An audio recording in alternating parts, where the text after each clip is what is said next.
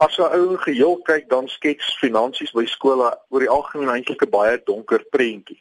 Skole se totale inkomstebegroting is daar maar net 'n paar bydraers. En die eerste is natuurlik skoolgeld. By 'n hoërskool is uh, 87% van alle inkomste word gegenereer uit skoolgeld uit, terwyl die staat se bydrae tot die bedryf van die skool maar net 3.64% uitmaak.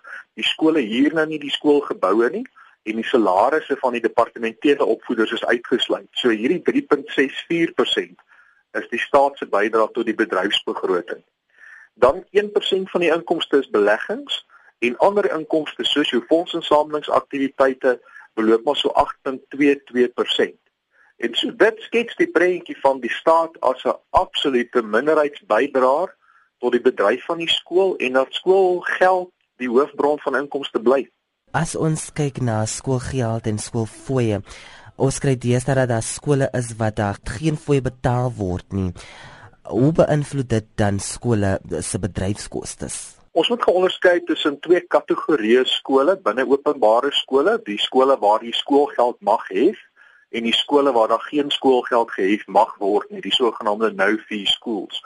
Nou hierdie studie is spesifiek gefokus op die skole waar wel skoolgeld gehef mag word. En uh, in hierdie skole, dit was baie interessant wat in hierdie studie uitgekom het.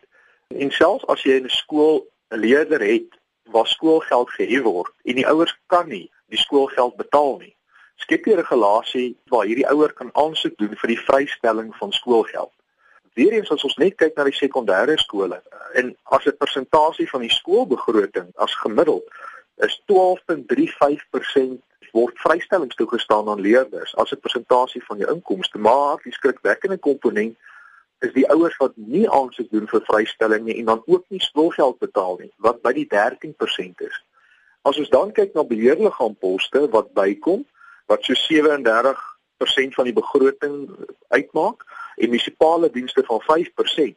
As daai vier faktore bereken is, dan is 68% van die inkomste van die hoërskool klaar weg voordat enigiets anders gedoen kan word. Nou hoe beïnvloed die skole se finansies die gehalte dan van onderrig by skole as hulle byvoorbeeld nie genoeg het om sekere materiale aan te koop nie? Die ironie is hoe meer geld spandeer word aan water en elektrisiteit, hoe minder geld kan spandeer word aan leermateriaal.